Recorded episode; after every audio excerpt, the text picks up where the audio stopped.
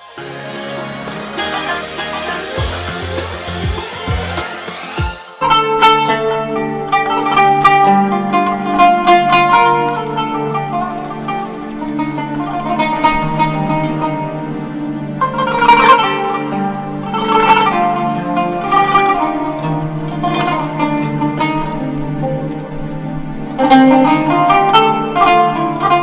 الله الرحمن الرحيم الحمد لله. والصلاة والسلام على سيدنا رسول الله وآله وصحبه ومن والاه. في حلقة سابقة تكلمنا عن الحبيب المصطفى صلى الله عليه وسلم وهو يلقي الخطبة الثالثة في الحرم المكي يوم النحر. وأنه صلى الله عليه وسلم خطبهم. وقال إن الزمان قد استدار على هيئته يوم خلق الله السماوات والأرض. السنة اثنا عشر شهرا منها أربعة حرم ثلاث متواليات ذو الحجة وذو ذو القعدة وذو الحجة والمحرم ورجب مضر يعني رجب الفرض اللي في الغد الذي بين جمادى وشعبان وحدد الأمور وسألهم أسئلة. قال بعد أن استدار هذا هذا الفلك على البداية فسالهم فقال ما هذا اليوم؟ ما هذا الشهر؟ ما هذا البلد؟ وأقر أسماء بأن هذا هو يوم النحر وهذا شهر ذو الحجة وهذا هو البلد الحرام. فقال إن الله وهذه العبارة الجامعة المانعة وقد أوتي صلى الله عليه وسلم جوامع الكلم. إن الله قد حرم عليكم دماءكم وأموالكم وأعراضكم كحرمة يومكم هذا في بلدكم هذا في شهركم هذا. وستلقون ربكم فيسألكم عن أعمالكم يوم القيامة. ألا فلا ترجعوا بعدي ضلالا يضرب بعضكم رقاب بعض. ألا ليبلغ الشاهد الغائب. جت بقى فكرة إيه؟ بلغوا عني ولو آية. جت فكرة التوثيق التي اختصت بها أمة سيدنا النبي. الأسانيد. عندنا مليون سند. عندنا ستين ألف حديث. عندنا القرآن مروي بأكثر من مليون سند. الشيخ ابن الجزري له ألف سند. محمد بن محمد بن محمد بن محمد بن محمد الجزري. ليه ألف سند؟ لوحده هو بس كده. أمة أسانيد. توثيق. فقد قابلت أنا. من قابل من قابل من قابل من قابل. تعد 22 مرة تعد 26 مرة. رسول الله صلى الله عليه وسلم. ما فيش حاجة في الدنيا كده. يقول لي واحد كده إنه قابل من قابل. اسمه إيه؟ أنا عارف أسماءه. عبر القرون ومر العصور. مش أنا لوحدي. ده كل الأمة كده. كل الأمة معاها أسانيد. قابلت من قابل من قابل من قابل. ها؟ يحمل هذا العلم من كل خلف عدوله. ماسكين ايديهم في ايدين بعض كده سلسلة يقول عليها السلسلة. سلسلة السند بحلقاتها. محدش عمل كده. وبعدين التوثيق ده نمرة واحد. نمرة اتنين إيه؟ الفهم والفهم ده جاي منين؟ من عند الله. ربنا يفتح. فقال فلعل بعض من يبلغه أن يكون أوعى له من بعض من سمعه. ها؟ نظر الله وجه امرئ. الشيخ عياض في الإلماع يقول كده إنها بالتخفيف. يعني عندك أنت؟ نضر الله وجه امرئ. الاثنين صح. لكن الشيخ عياض يرويها إيه؟ نضر الله وجه امرئ سمع مقالتي فوعاها فأداها مثل ما سمعها فرب مبلغ أوعى من سامع. يا سيدي يا سيدي. اللي هو نفس الكلام ده. فسيدنا أمرنا ألا هل بلغت؟ ألا هل بلغت؟ ألا هل بلغت؟ أخرجه البخاري ومسلم. فدول الثلاث خطب الأساسيين لأنه خطب بعد كده أيام التشريق وكذا إلى آخره. سيدنا رسول الله صلى الله عليه وسلم إذن رمى الجمرات وحلقة فلما حلق وزع شعره الشريف اللي بعضه باقي إلى يومنا هذا. محدش كده في الدنيا لا أنبياء ولا أولياء ولا أباطرة ولا إمبراطوريات ولا أي حد. إنه يحفظ ما يدل عليه في ذاته ابدا ما حصلش. وبالطريقة دي مليون سند ما حصلش. ورفعنا لك ذكرك فرفع ذكره. لا بل أنتم يومئذ كثير ولكن غثاء كغثاء السيل فإذ به صدق. لا. تركت فيكم ما إن تمسكتم به لن تضلوا بعدي أبدا كتاب الله وعترة أهل بيتي فإذ بعترة البيت الشريف باقيه إلى الآن وقد انتشرت في الأرض بحيث أن أحدا لا يستطيع القضاء عليهم. مدد من غير عدد. مدد يا رب من غير عدد. اهدى مؤيد. لا إله إلا الله. لو واحد بس يقعد كده مع نفسه بشويش اهدي ورفعنا لك ذكرك فيبقى محمد اسم هو الأعلى مطلقا. سبعين مليون سنة ستة وتسعين. واللي بعديه خمستاشر مليون. سبعين مليون واللي بعديه طيب في الترتيب خمستاشر مليون. يعني ضربة قاضية يعني. إذا دي حاجة تانية. وقول بقى من هنا لغاية الصبح في سيدنا صلى الله عليه وسلم النبي صلى الله عليه وسلم يوم العيد إذا رمى وحلق ووزع شعره الشريف وهو باق إلى يومنا هذا وشعره ينمو. لما جت الشعرات وملاحظنا إنها بتنمو. واخد بالك؟ حتى إن العائلة الواحدة لما تكون عندها الشعر الشريفة ونمت وبيقسموها واحد ياخد كده واحد ياخد كده علشان البركة تحل. واخد بالك؟ يعني شيء غريب عجيب. ده مشاهد. بعد ذلك قضى أيام التشريق وحرم علينا صيامها. يبقى حرام إن إحنا نصوم يوم العيد نصوم معلش إحنا هنا ما إحناش في الحج نصوم إيه؟ عرفة. ونصوم كمان ما فيش مانع من وا- من واحد الحجة إلى عرفة يبقى تسعة أيام. يوم العيد لازم نفطر فإنها أيام أكل وشرب. العيد والثلاث أيام التشريق يحرم علينا صيامها. نهى رسول الله صلى الله عليه وسلم عن صيام ستة أيام. اللي هم الأربعة دول ويوم الشك ويوم عيد الفطر. أدي ست. وفي رواية خمسة أيام وساب من يوم الشك. سيدنا صلى الله عليه وسلم قضى بعد ذلك أيام التشريق الثلاث.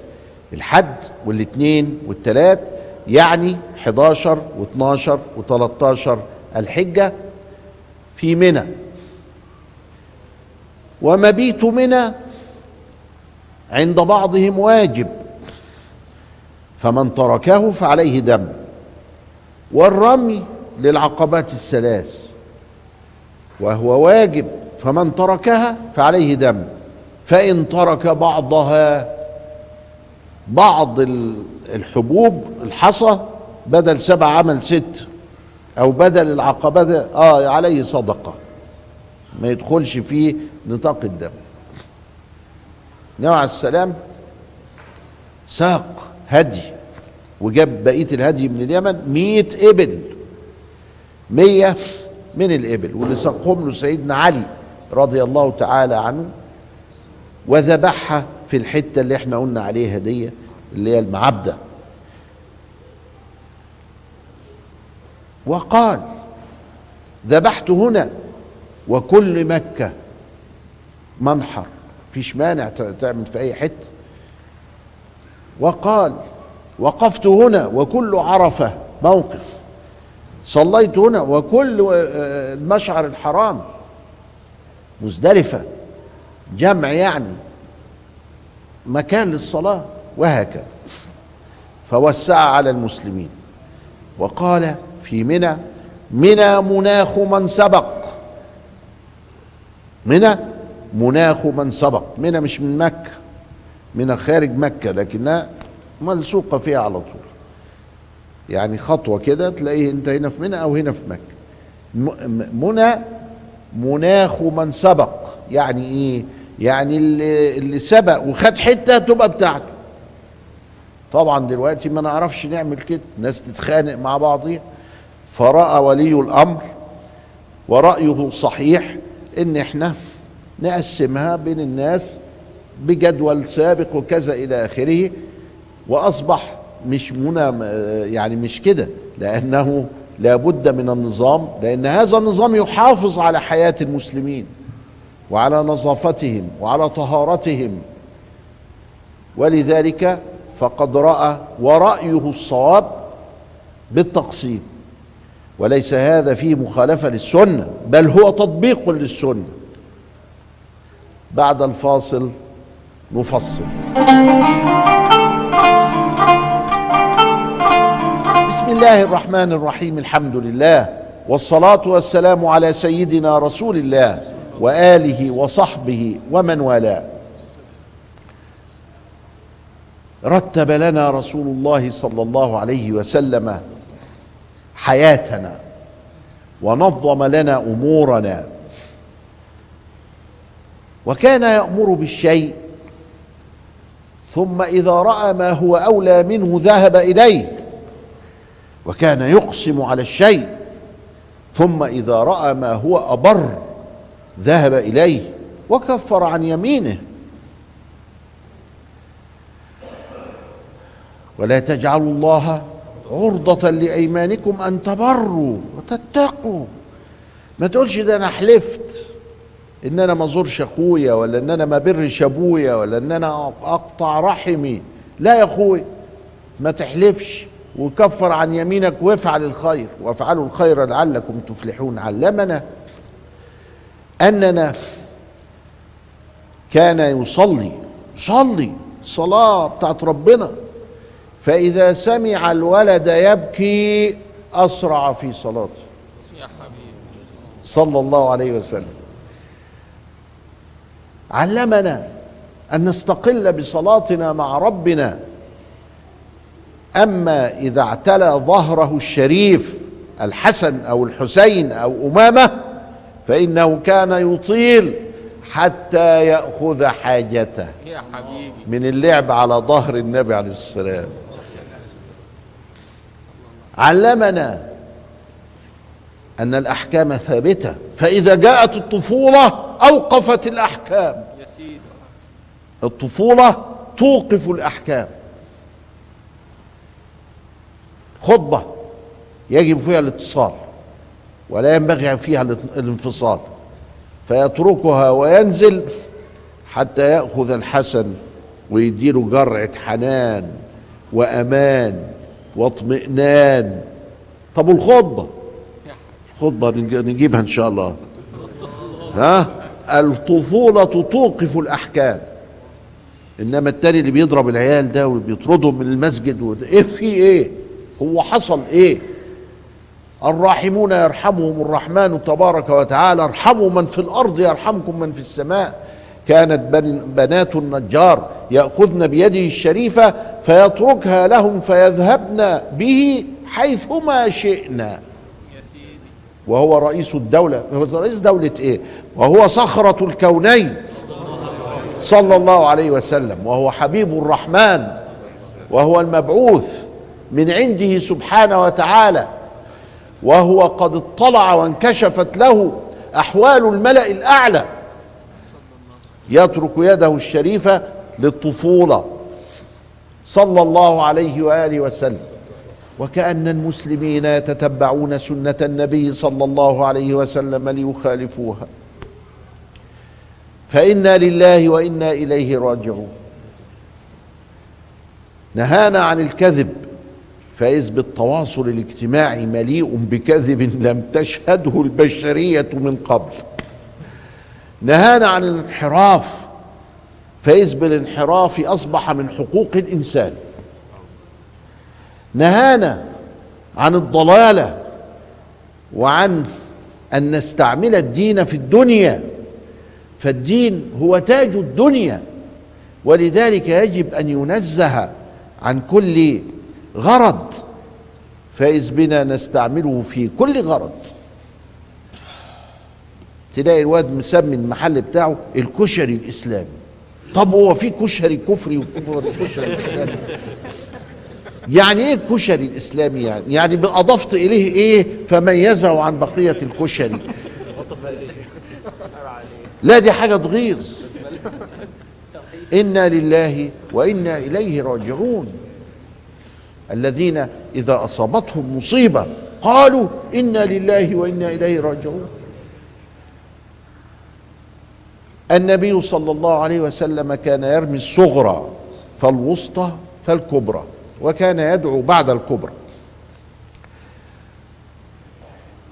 والمبيت بمنى واجب عند الشافعي والرمي واجب في جملته بمعنى أنه لو ترك الرمي كله أو ترك المبيت كله فإنه يكون عليه دم ودم متعدد. أربعة دماء حج تحصر أولها المرتب المقدر تمتع فوت وحج قرنا وترك رمي والمبيت بمنى وتركه الميقات والمزدلفة أو لم يودع أو كمشي أخلفه نذره يصوم إن دما فقد ثلاثة فيه وسبعا في البلد. يبقى اذا من ترك المبيت في منى ومن ترك الرمي في منى فعليه عند الشافعي عليه دم متكرر يعني واحد لده وواحد لده. واختلفوا هل في ذلك هو دم جبران أو دم شكران أو كذا إلى آخره التمتع والقارن ما إحنا بنقول القارن هي هيذبح والمتمتع هيذبح. طب ده يعني لتمام النقص ولا بيشكر ربنا؟ نخليها بيشكر ربنا أحلى. شكران إن شاء الله. علشان ناخد ثواب أكتر من الجبران وجبران الخاطر على الله. النبي صلى الله عليه وسلم في أيام التشريق جاءه تهيؤ الوداع فنزلت عليه إذا جاء نصر الله والفتح ورأيت الناس يدخلون في دين الله أفواجا فسبح بحمد ربك واستغفره إنه كان توابا. فعرف قرب الرحيل صلى الله عليه وآله وسلم. وكانت هذه السورة سورة النصر من أواخر ما نزل لأنها نزلت في أيام التشريق. من تلك الحجة المباركة حجة النبي صلى الله عليه وسلم. أكد النبي صلى الله عليه وسلم في خطبه خطب في وسط أيام التشريق فقال يا أيها الناس ألا إن ربكم واحد وإن أباكم واحد ما فيش فرق بين أسود وأبيض وأصفر وأحمر وكذا إلى آخره. ما فيش. ما عندناش الكلام ده. ألا إن ربكم واحد وإن أباكم واحد. ألا لا فضل لعربي على أعجمي ولا لعجمي على عربي ولا لأحمر على أسود ولا أسود على أحمر.